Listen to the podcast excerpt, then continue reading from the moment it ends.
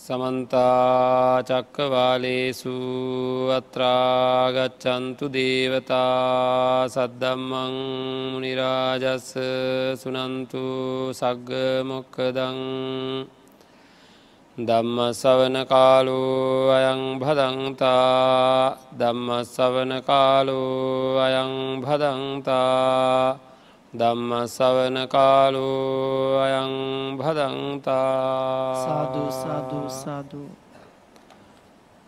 නමුතස්ස භගවතු වරහතු සම්මා සම්බුද්ධස්ස නමුතස්ස භගවතු වරහතු සම්මා සම්බුද්ධස්ස නමුතස්ස භගවතු වරහතු සම්මා සම්බුද්ධස්ස සාධූ සාධූ සාධූ ඉතිකෝ චුන්ද දේශිතෝ මයා සල්ලේක පරියායෝ දේශිතෝ චිත්තුපාද පරියායෝ දේශිතෝ පරික්කමන පරියායෝ දේශිතෝ උපරිභාග පරියායෝ දේශිතෝ පරිනිබ්භාන පරියායෝ යංකෝ චුන්ද සත්තාරා කරණීයං සාවකානං හිතේ සිනානුකම්පේන අනුකම්පං උපාදාය කතංවෝතං මයා ඒතානි චුන්ද රුක්ක මූලානිඒතානි සුඥ්ඥාගාරානි ධාතතුන්දමා පමාදත්තමා පච්චාවිප්පටිසාරිනෝ අනුවත්ත අයංකෝ අම්මාකං අනුශාසතීති සාධූ සාධූ සාධූ සද්ධා බුද්ධි සම්පන්න පින්නත්නී බුදුරජාණන් වහන්සේ දේශනා කරනවා මේ සල්ලේක සූත්‍රය අවසානයේදී මෙන්න මේ පරියාය ධර්මයන් දේශනා කරා. සල්ලේක පරියාය චිත්තුත්පාද පරියාය පරික්කමන පරියාය උපරිභාව පරියාය පරිනිබ්භාන පරියාය කියලා කෙලෙස් නිවන කාරණාටික දේශනා කරා. පස්සේ විපලිසර වෙන්නේ නැතුව රුක්කමූල අරං්ඥ සුඥාගාර වලට ගිහිල භාවනා කරන්නය කියලා. හරි ඉතිං සල්ලෙක සූත්‍රයේ තියෙන මහා වඩනාකම එකයි සියලු කෙලෙස් නැතිකර ගැනීම පිළිබඳව සියලු කෙලෙස් දුරුකර ගැනීම පිළිබඳව කළ යුතු වැඩ පිළිවෙලක් ඉතාම ප්‍රායෝගික වැඩ පිළිවෙලක් සල්ලෙක සූත්‍රය ආශ්‍රයෙන් අපිට සාකච්ඡා කරගන්න පුළුවන්කම තියෙනවා. හිතේ උපදින කෙලෙස් ධර්ම හතලිස් හතරක් අරගෙන හතලිස් සතරකට බෙදලා මේ හතලිස් සතර ඉස්සෙල්ලාම කෙලෙස් සිඳලන ආකාරය පටන්ගන්න විදිහ තමයි සල්ලේක පරියාය කියලා කියන්න. මේකෙදී ඒ ඒ අකුසලයට හිතේ උපදින ඒ ඒ අකුසලයට ප්‍රතිවරුද්ධ කුසලය උපදවා ගැනීමට පෙර. ප්‍රතිවරුද්ධ හැම අකුසලයකටම ප්‍රතිවරුද්ධ සිතේම උපදනා වූ කුසල ධර්මයක් තියෙනවා. හරිද අන්න ඒක උපදවා ගැනීමට කියනවා කුසල උත්පාද පරියාය කළ ගැන ක්‍රමය. අපි ඊය සාකච්ඡා කරා අවිහිංසාව හිංසාව වෙනුවට හිංසාකාරී අදහස් වෙනුවට අවිහිංසාව උපදවාගණ්ඩ පුළුවන් කියන එකත් ප්‍රාණගාතයේ යෙදීම කියන එක සිද්ධවෙන්න අපේ හිතෙන් යෙදෙන හැඟීමක්.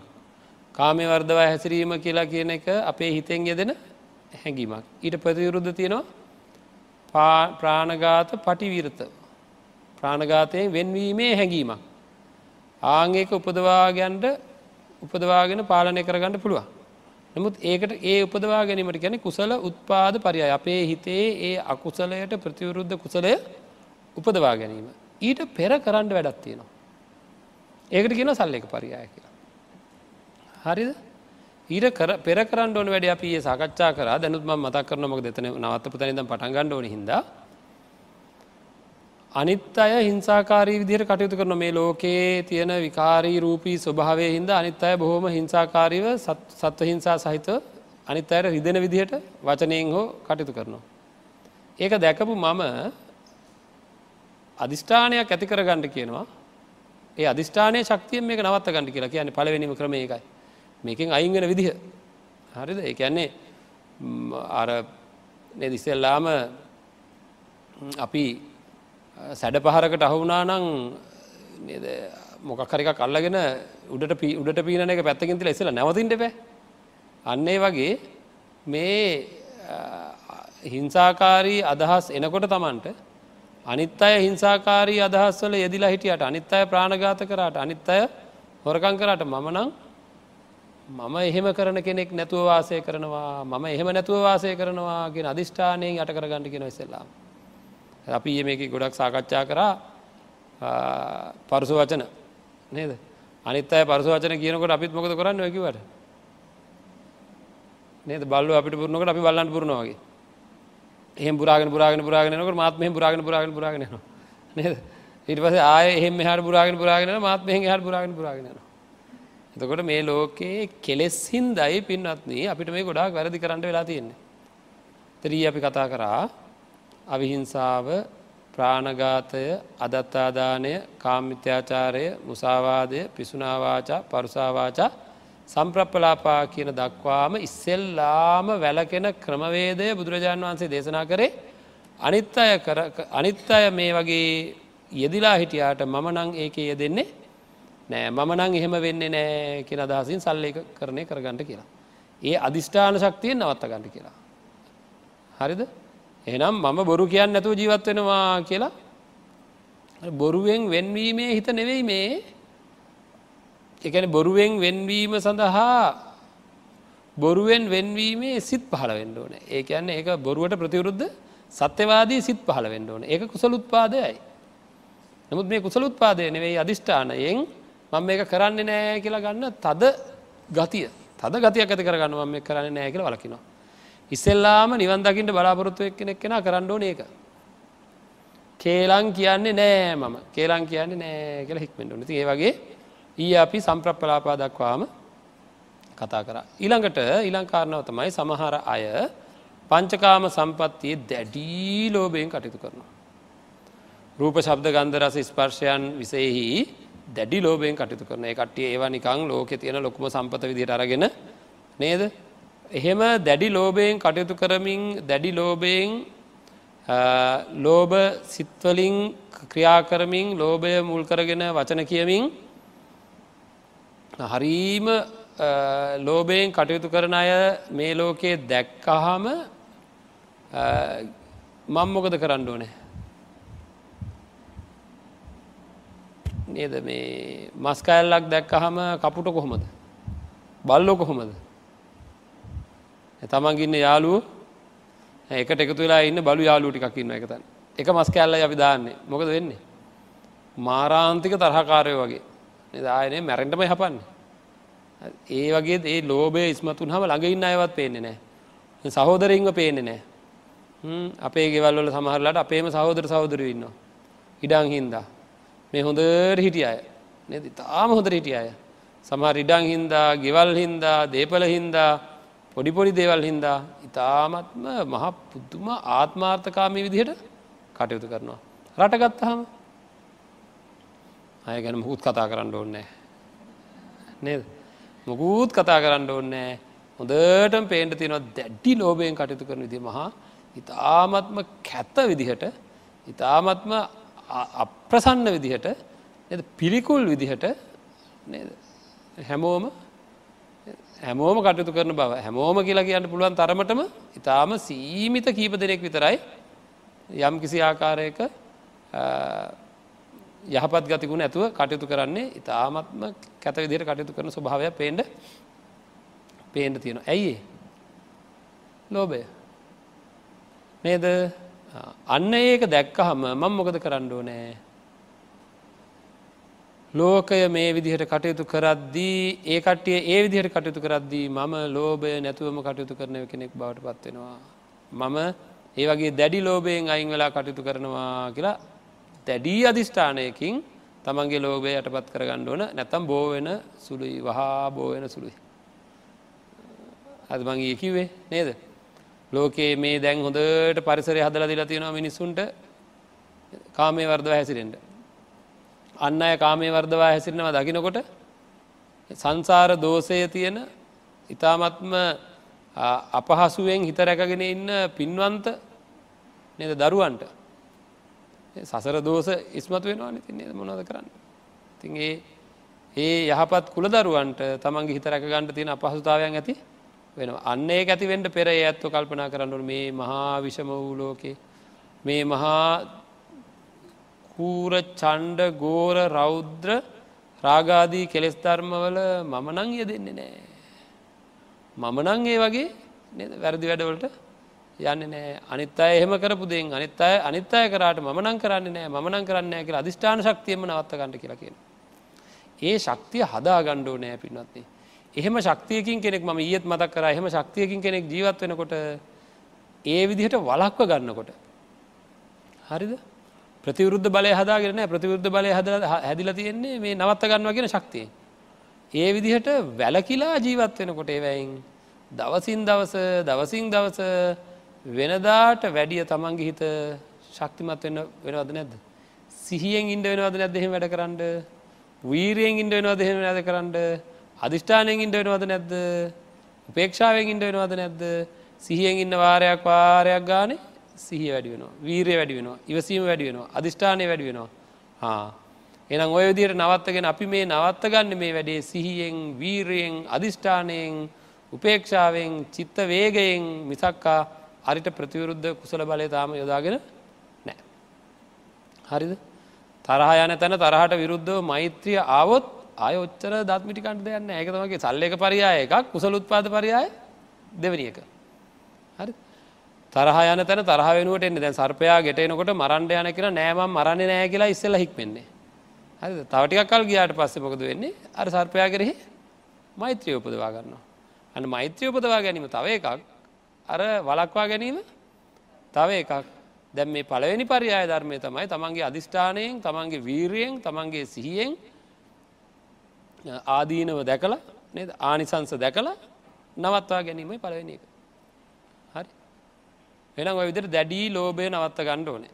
එතුර කාරණ නමයයි ළඟට දහවෙනි කාරණාව තමයි දැඩි දේශය. සමහර අය පින්වත්නී කාගෙන් හරි පොඩි දෙයක් වුණොත් පස්සෙන් පන්න පන්න පන්න පන්න පන්න පන්න මොකද කරන්න. දැඩී ලෝ දේශ සහගත ව්‍යාපාද සිත් ඇතුව දැඩි පලිගැනීම් ආදිය කරමින් හැම වෙලේම ඉවරක් නැතුව එක සැරයක් මොනහරි විරුද්ධ දෙයක් කරනවා දෙවනි සරත් කරනවා තුන්වනි සරත් කරනවා හතරනි සරත් කරන ඉවරක්ම නෑ තාලාන්ඩ තලන්ඩ නේද?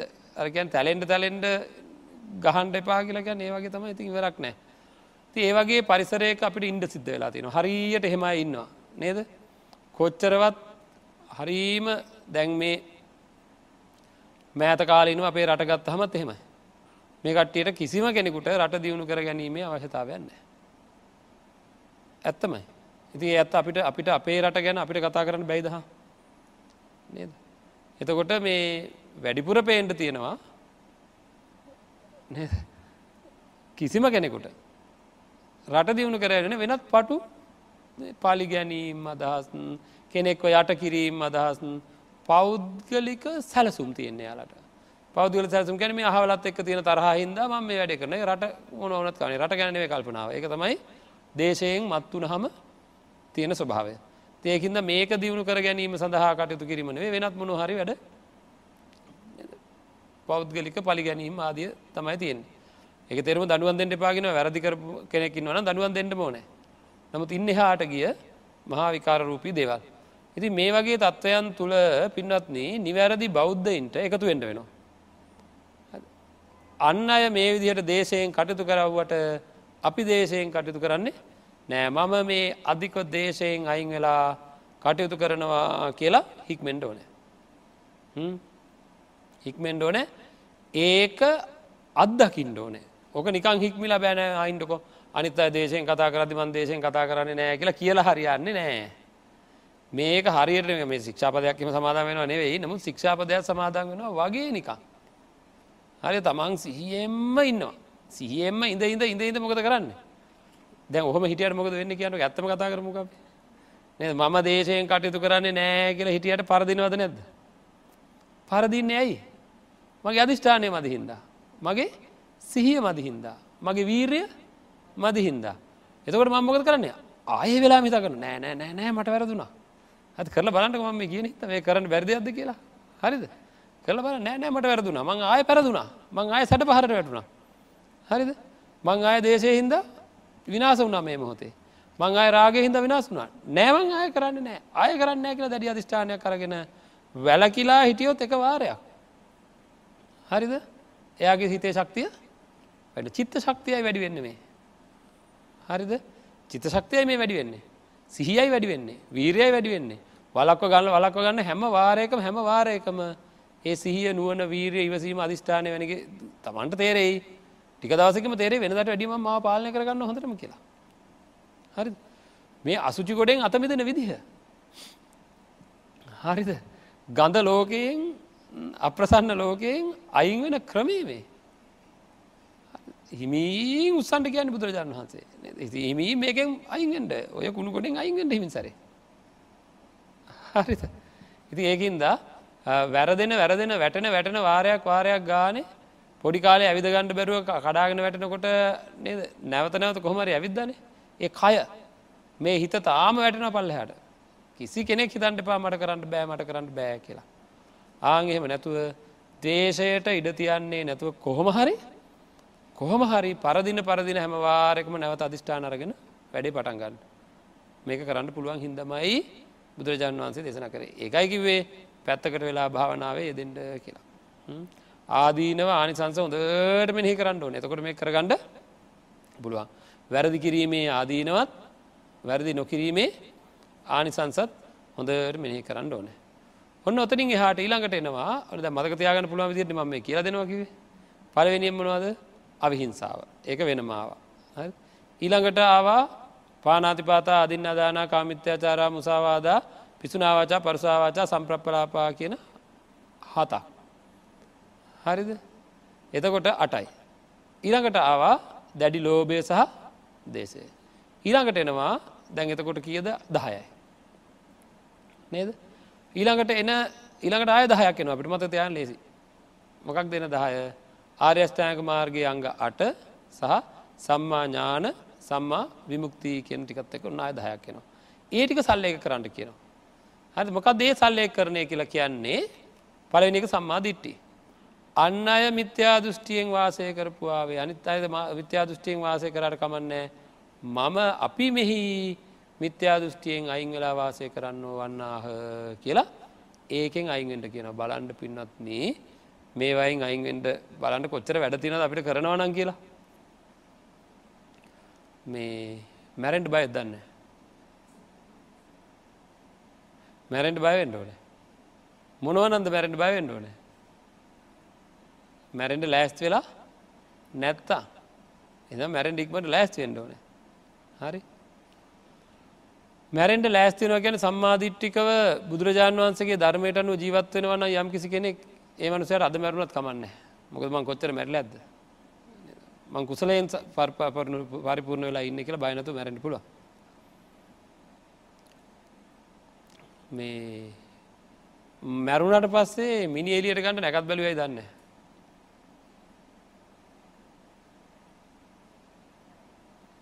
ඔව්. ඉන්න අය මැරයි කියල බයට. ඇයි ඔච්චර බය? නේද? වැඩක් කොරන්ට ගම රාහු කාල බැලුවයි දන්න? කාටද ජීවිතය බාර දුන්නේ? නේද? මං පැවිදිෙන්ට ගිය වෙලාවේ මම එපා කියද්දී මගේ ඥාතියෙක් බලෙන් අරංගි මගේ කේන්දර බැලවා. එපාම කියද මංකව මංවට ඔවා හා බලාගෙන එන්නකො ඇවිල්ල කිව්වේ මොකක්ද මේ ළමයට පැවිදිෙන්ට නම් දෙන්නට එපා කවදාවක්වත් ඇත්තම මේ වෙච්චම දෙයක් කියන්නේ. මේ ළමයට කවදාක පැවිදිෙන්ට දෙන්නට එපා.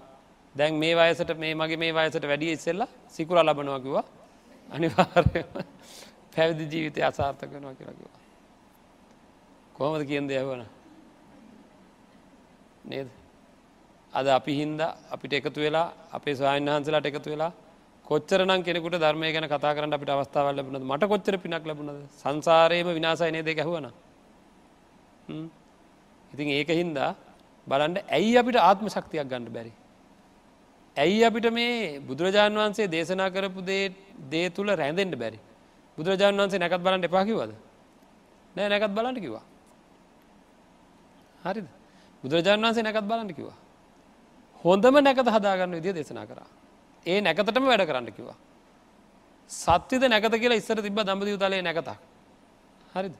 ආන්ගේ නැකතට වඩා වැඩි ප්‍රබලත්වයක් තියෙන නැකතත් තියෙන වන්නේ නැකත හදාගෙන වැඩ පටන්ගන්නක ඕනම් වැඩ. හැබැයි ඒක හදාගණ්ඩු අපි. වෙන කෙනෙකින් හදාගෙන එන්න බෑ. හරිත. මොකක්ද මේ නැකත පිරිසිදු කායකර්ම පිරිසිදු වාකර්ම පිරිසිදු මනක්කර්ම. හරිද. පිරිසිදු කායකර්මයෙන් යුක්ත පිරිසිදු වාකර්මයෙන් යුක්ත පිරිසිදු මනසෙන් යුක්තව යමෙක් යම් වැඩක් පටන්ගන්න නම් කොයි වෙලා හරි ඒක සත්තිද නැකතට වැඩිය ප්‍රබල නැකතක් කියලා. ඉතින් දරුවගේ කොඩ කපන් ඩෝක හදාගන්න පැයිද. ගෙදර කටිය එකතුවෙන් ඩාච්චී සීයයි අම්මයි තාත්තයි අනිත් දරුවටිකයි ඔක්කොම එකතුවෙන්ට. හරිද නැකත හදාගන්න හරි. ලබන සතියේ ඉරිදා උදේ හතට තමයි නැකත.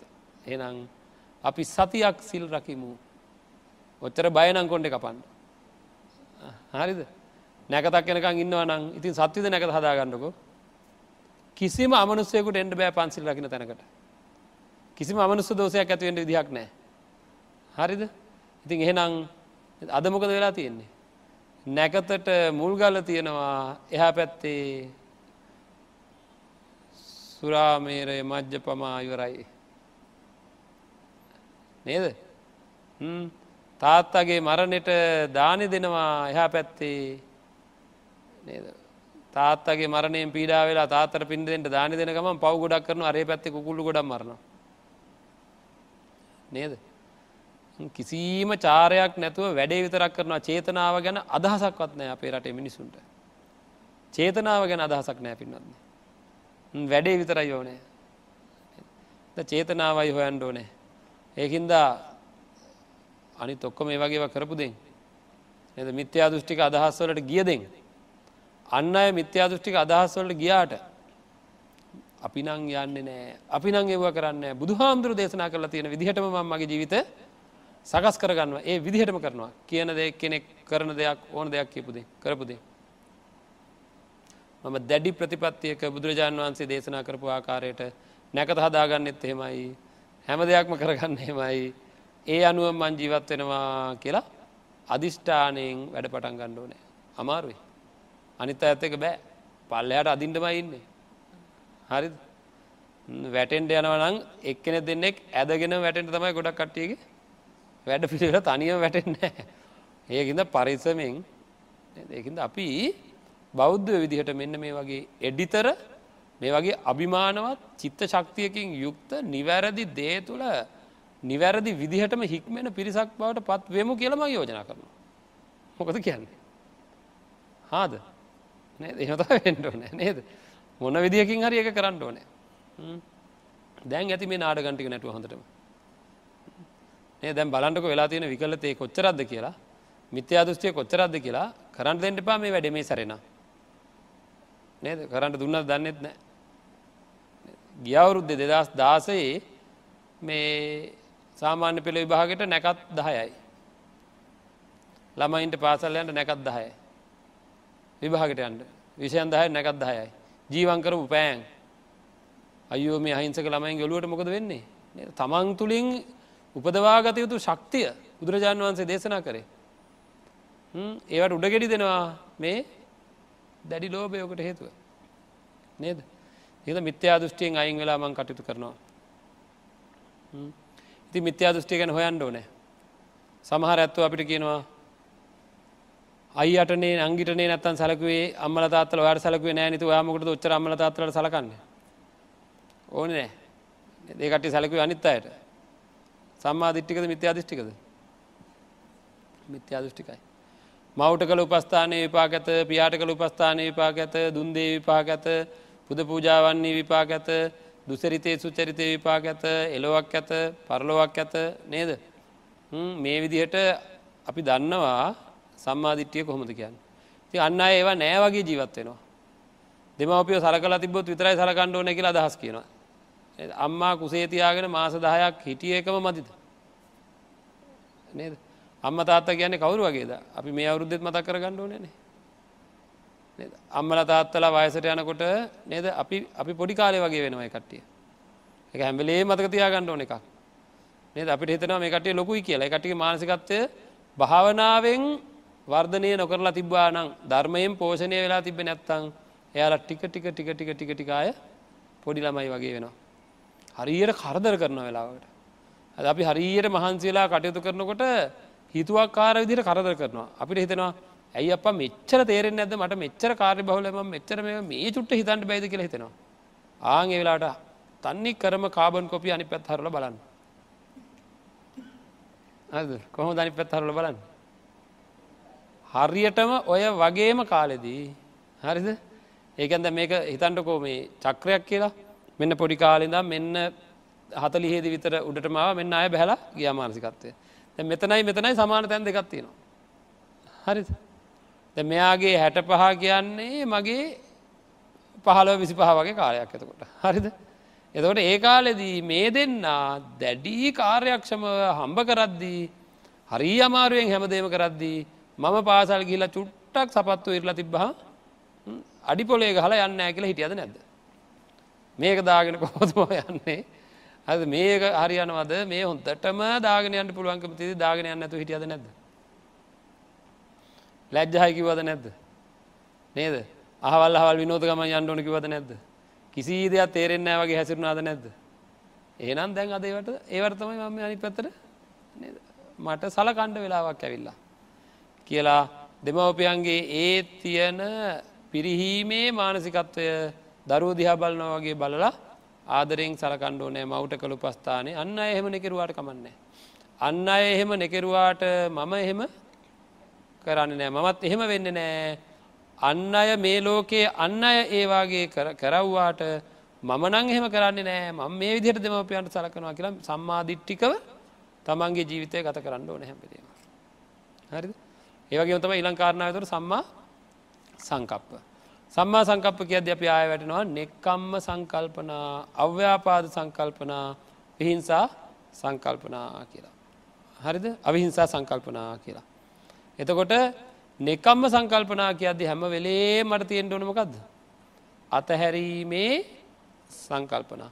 අනිත් අය අල්ලා ගනිමින් කටයුතු කරන අතරවාරයේ මම අතහරිමින් කටයුතු කරනවා. ඇයි අල්ලා ගැනීමේ තියෙන ආදීනව මං හොඳට දන්න නිසා. අන්නේ ආදීන හොඳර දන්න නිසා මම අතහරමින් කටයුතු කරනවා. මම මම අල්ලාගන්න නෑ. බලන්ඩ මම තෑගත් දෙන විදිහක් කියන්නද? මේක හරි ප්‍රයෝජනත් වෙන දෙමවපියන්ට. පොඩි කාලේ දන් දරුව හැදවා. හරිද?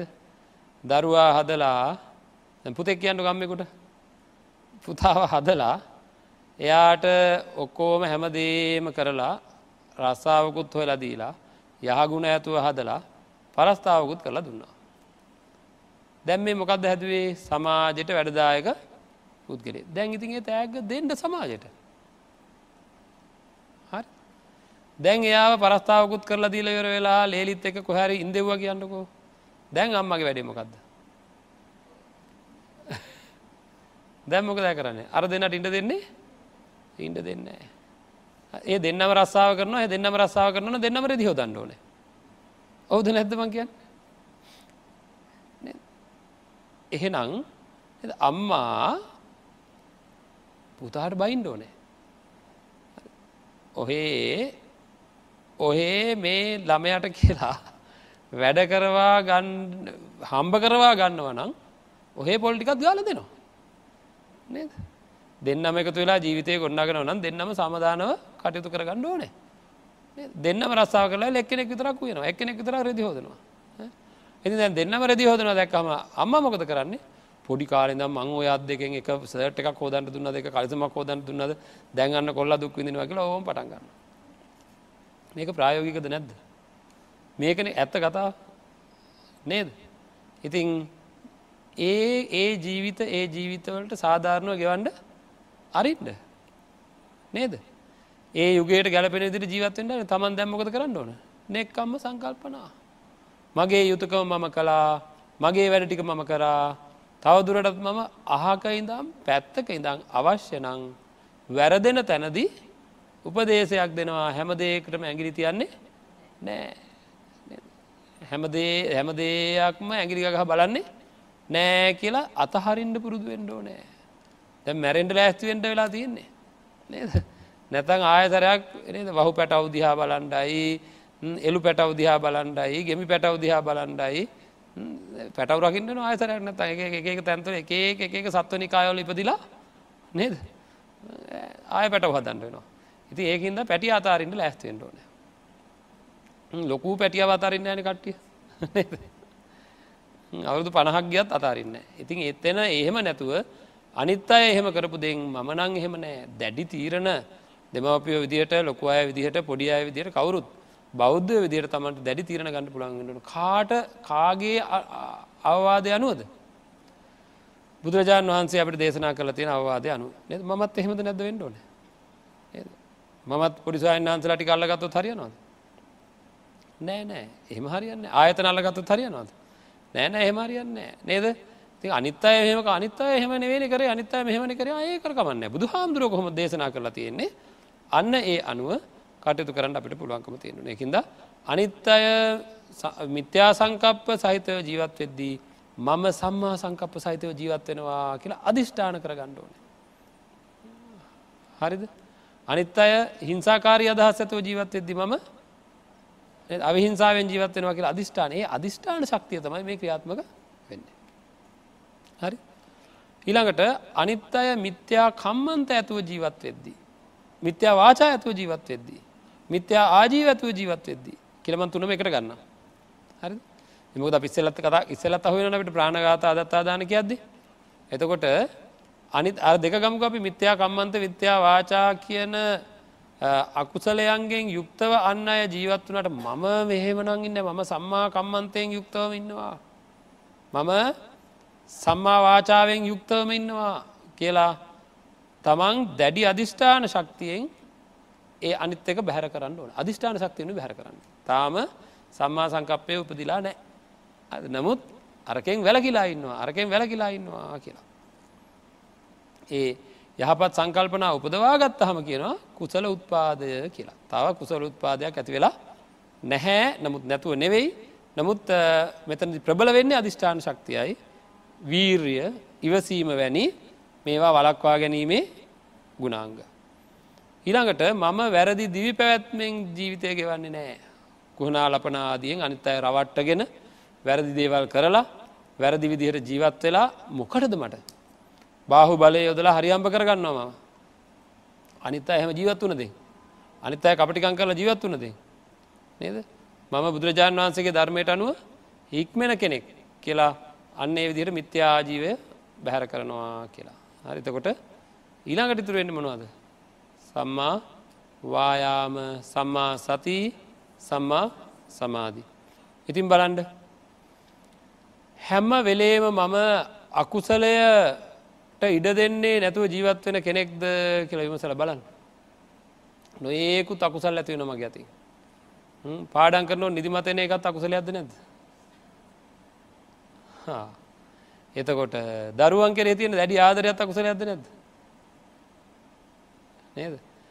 එහෙනම් හැම වෙලේම තියෙන අකුසලය නැති කරගණ්ඩත් නැති අකුසල් ඇතිවෙන්ට දෙන්නේ නැතිවෙන්ඩත් තියෙන කුසලය වර්ධනය කරගණ්ඩත් නැති කුසල් ඇති කරගණ්ඩත් හතර පැත්තකින් මම එකකට එකක් එකකට එකක්.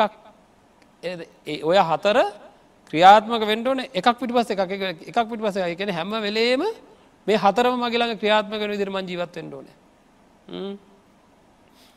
අධිෂ්ඨාන කරගෙන රෑට නිදාගන්න නිදියනකොට මෙන්න මේ වෙලාවට බන් නැගිටිනවා කියලා සිහියෙන් නිදියලා සිහියෙන් නැගිටින එකත් කුසලයක්ද නැද්ද. අපේ සමහර ඇත්තු කොහොමද. නිදියන්නේ එක තැනකින් නැගටින්නේ තව තැනක. පුටුව නිදිල ඇඳ නැගින්න පුටුව ඇදට ගිය කොයිලාද කියලා දන්නේ නෑ. එදත්තම් අරගයන්න මොකක්ද පෙරේතයා පොලේ ගැහුවා ගෙම්බා පොලේ ගැහවාගේ බුදි කිය. නේද. ඉති මේ ජීවිතයේ ජීවත් වෙන හැම වෙලාවකම පින්නත්න්නේ. උදේ නැගිට වෙලා දම් හැඳෑ නිදාගන්න මොහොත දක්වා ගෙවන හැම නිමේශයක්ම තමන්ගේ හිත ශක්තිමත් කරන විදිර ජීවත්වෙන්න පුළුව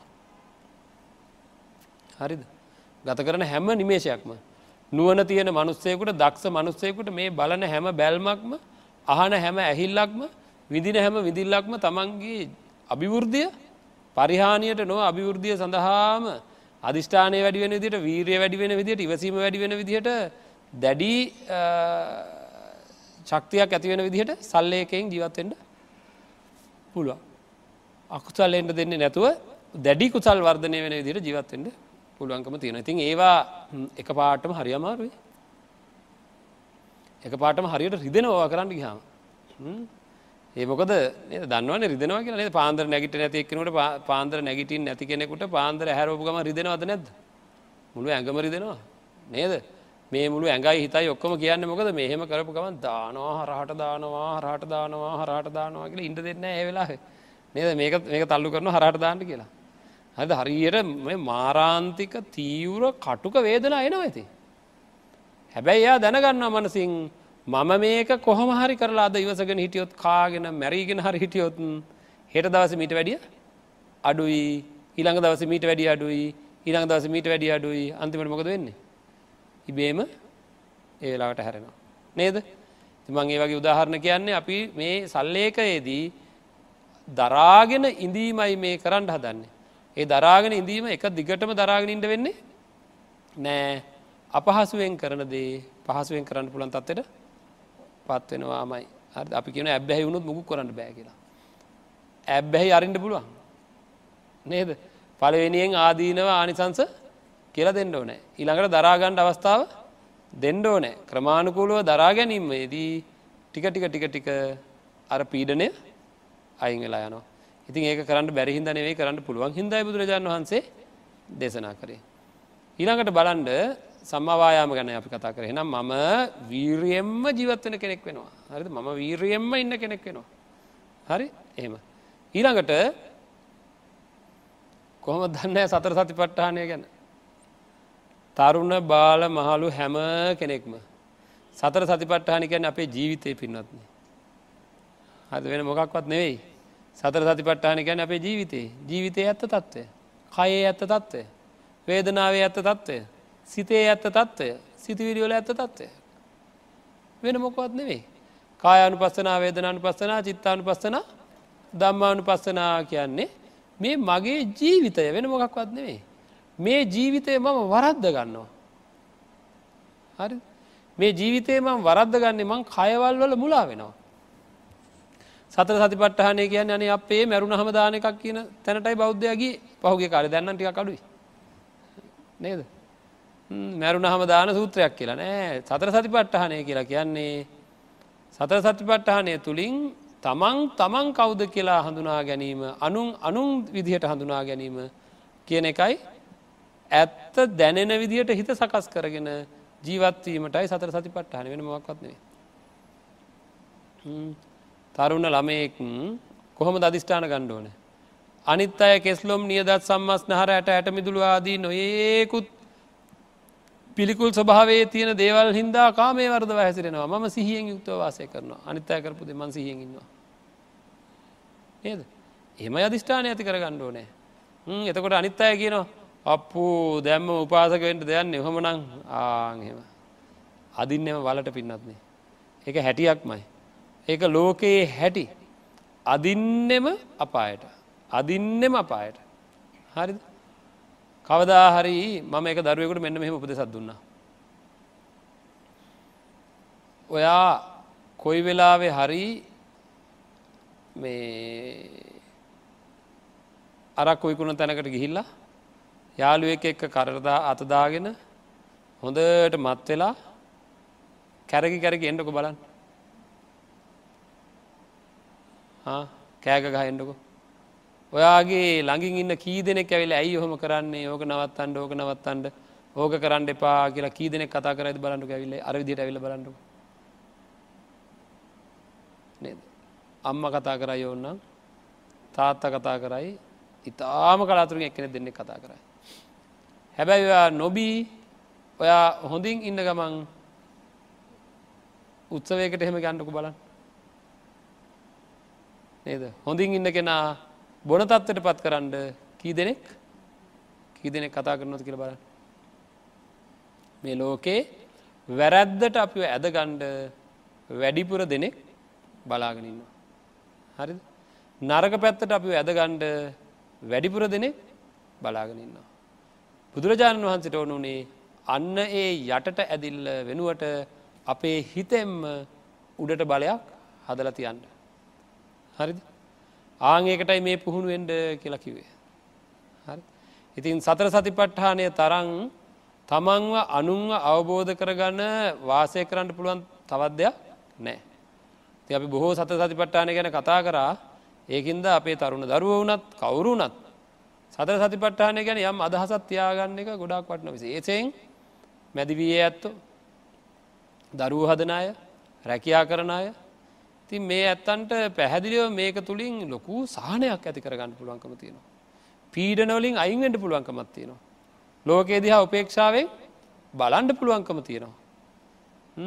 නැත්තං අවුරුදු තිහ විතර වෙනකම් සාමාන්‍යයෙන් ජීවිතයේ ටිකක් එහාට මෙහාට වෙවී ඉන්නකොට අනිත් අයත් එක්ක කාගෙත් පිළිගැනීමකට ලක් වෙනවා ප්‍රසන්න ගතියක් තියෙනවා ඉතින් එතකොට හොඳ ටිකක් ඔහ ඉන්න පුළුවන් ටිකක් දඟල දඟල තිස්පා හතලිය වීගෙන එනකොට හැම පැත්තකිම ශරීරයත් තියෙන ආකර්ශණයක් අඩු වෙනවා. ලොකුම ප්‍රශ්න ටිකත් එනවා. ජීවිතයේ බරත් වෙනවා රැකයා කරන තැන්ගලන වගකීම් ටිකත් වෙනවා එතකොට ලොකු අය වෙන්න ගොඩල් ලොකු අය වෙන්නේ. නේද? වගකීම් වැඩි වෙන්නේ. දරුවන්ගේ වගකීම් වැඩි වෙනවා. ණය වෙනවන ණය බර වැඩි වෙනවා. නේද? හැම දෙයක්ම වැඩි වෙන කාලෙනකොට තමන් නියම සිහියෙන් නොහිටියොත් එහෙම ලොකු පීඩිත කෙනෙක් බවට පත්වෙනවා. අය ජීවිතයට ගොඩාදවල එකතු වෙලත් තියෙන හිද වෙනස් වෙන දෙවලුත් වැඩි. එක්කෙනෙ එක දරුවෙක් හිටියා නම් තියේදී හතලියේදි දරුව හතර දෙනෙක් නොන හතර දෙනා වෙනස්වට තිනරකඩ වැඩි. ඒකද මේ පීඩනය ඔය පොඩි මනසට බුදුරජාණන් වහන්සේගේ පිහිට සරණ නැතුව ධර්මය පිහිට සරණ නැතුව දරන්න බෑ. හරිද? ඔය පුංචි මනසකට දරාගන්නට බැරිහින්ද මොකද වෙන්නේ? එය හරි පීඩිත මනසෙක් බාට පත්වන ඉතින් එකත් එක් එන්නේ අධිකරුදිට පීඩනය දිය වැඩියාව නොඒකුත් රෝග ලක්ෂණ මේක අසනීප වෙනකොට මනස ඒකටම හරියන්න කයත් අන්තිමනමක දෙන්නේ දෙන්ට තින හොඳම දනුවන්තික දේන්ට හදනකට ඔක්කොම දෙනවා දන්නවන මංකයන්ට නෑන දඩුවන් හම්බෙනට හැම පැත්තෙම හම්බෙනවා. ඒකින්ද අන් අය සතර සති පට්ටහානයේ නැතිවුණාට මම සම්මා සතියෙන් යුක්තව කටයුතු කරනවා කියලා හික්මෙන්ඩෝ නෑ. මම සම්මා සතියෙන් යුක්තව කටයුතු කරනවා කියලා හික්මෙන්ඩෝ නෑ පින්නත්න්නේ. අන්නේ විදිහට දැඩි අධිෂ්ඨානයක් ගණ්ඩෝ නෑ එතකොටයි එතෙන්ට මා පත්මට පත්වෙන්ට පුළුවන්කම තියෙන්නේ. හරිද? ඉතිං තේරෙනවද බුදුරජාන් වන්සේ අපි නිවන් දක්වන්ට පළවෙනි පරියාය ධර්මය විදිහට කාරණ හතලි සතරක් දේශන කරය ගැන තම අපි සාකච්ඡා කරමින් ඉන්න. හරි එතකට හෙට සම්මා සමාධියත් ඉතිරි කාරණාටික් ගැන අපට සාකච්ඡා කරන්න පුළුවන්කම තියෙනවා. හොඳයි. එන අපි හැම දෙනා වෙනුවෙන් ප්‍රාර්ථනා කරනවා. අද දවසේ මේ ධර්මදානමය පුුණ්‍ය කර්මය සිද්ධ කරගත් ඇත්තන්ට උතුම් නිර්වාණාබෝධය සඳහාම මේ උතුම් ධර්මදානය සිද්ධ වේවා කියල ප්‍රාර්ථනා කරමු. නිවසේ දන් ධර්මශ්‍රවනය කරන්න මේ ඇත්තන්ට මේ අවස්ථාව ලබා දුන්නේ මේ මැදිරියට ඇවිල්ලා තමන්ගේ බාහ බලය යොදල හරියම්භ කරගත්ත ධනය පැහදන් කරලා සකස් කරගත්ත ධර්මදානම පුුණ්‍ය කර්මය සකස් කරගත්ත මේ පින්නත් ඇත්තු. ඉතින් ඒ වෙනුවෙන් අපි ප්‍රාර්ථනා කරන අධිෂ්ඨාන කරන මේ හැම දෙනාට මුතුම් නිර්වාණාබෝධය සඳහාම මේ ධර්මදානමය පුුණ්‍ය කර්මය හේතුවක්ම වේවා කියල ප්‍රාර්ථනා කරනවා. ආකාසට්ටාච බුම්මට්ටා දේවානාගා මහිද්දිකා පුഞ්ඥන්තන් අනුමෝදිත්වා චිරංරක්කං තුසාසනං චිරංරක්කං තු දේශනං චිරංරක්කං තුමම් පරන්තිී.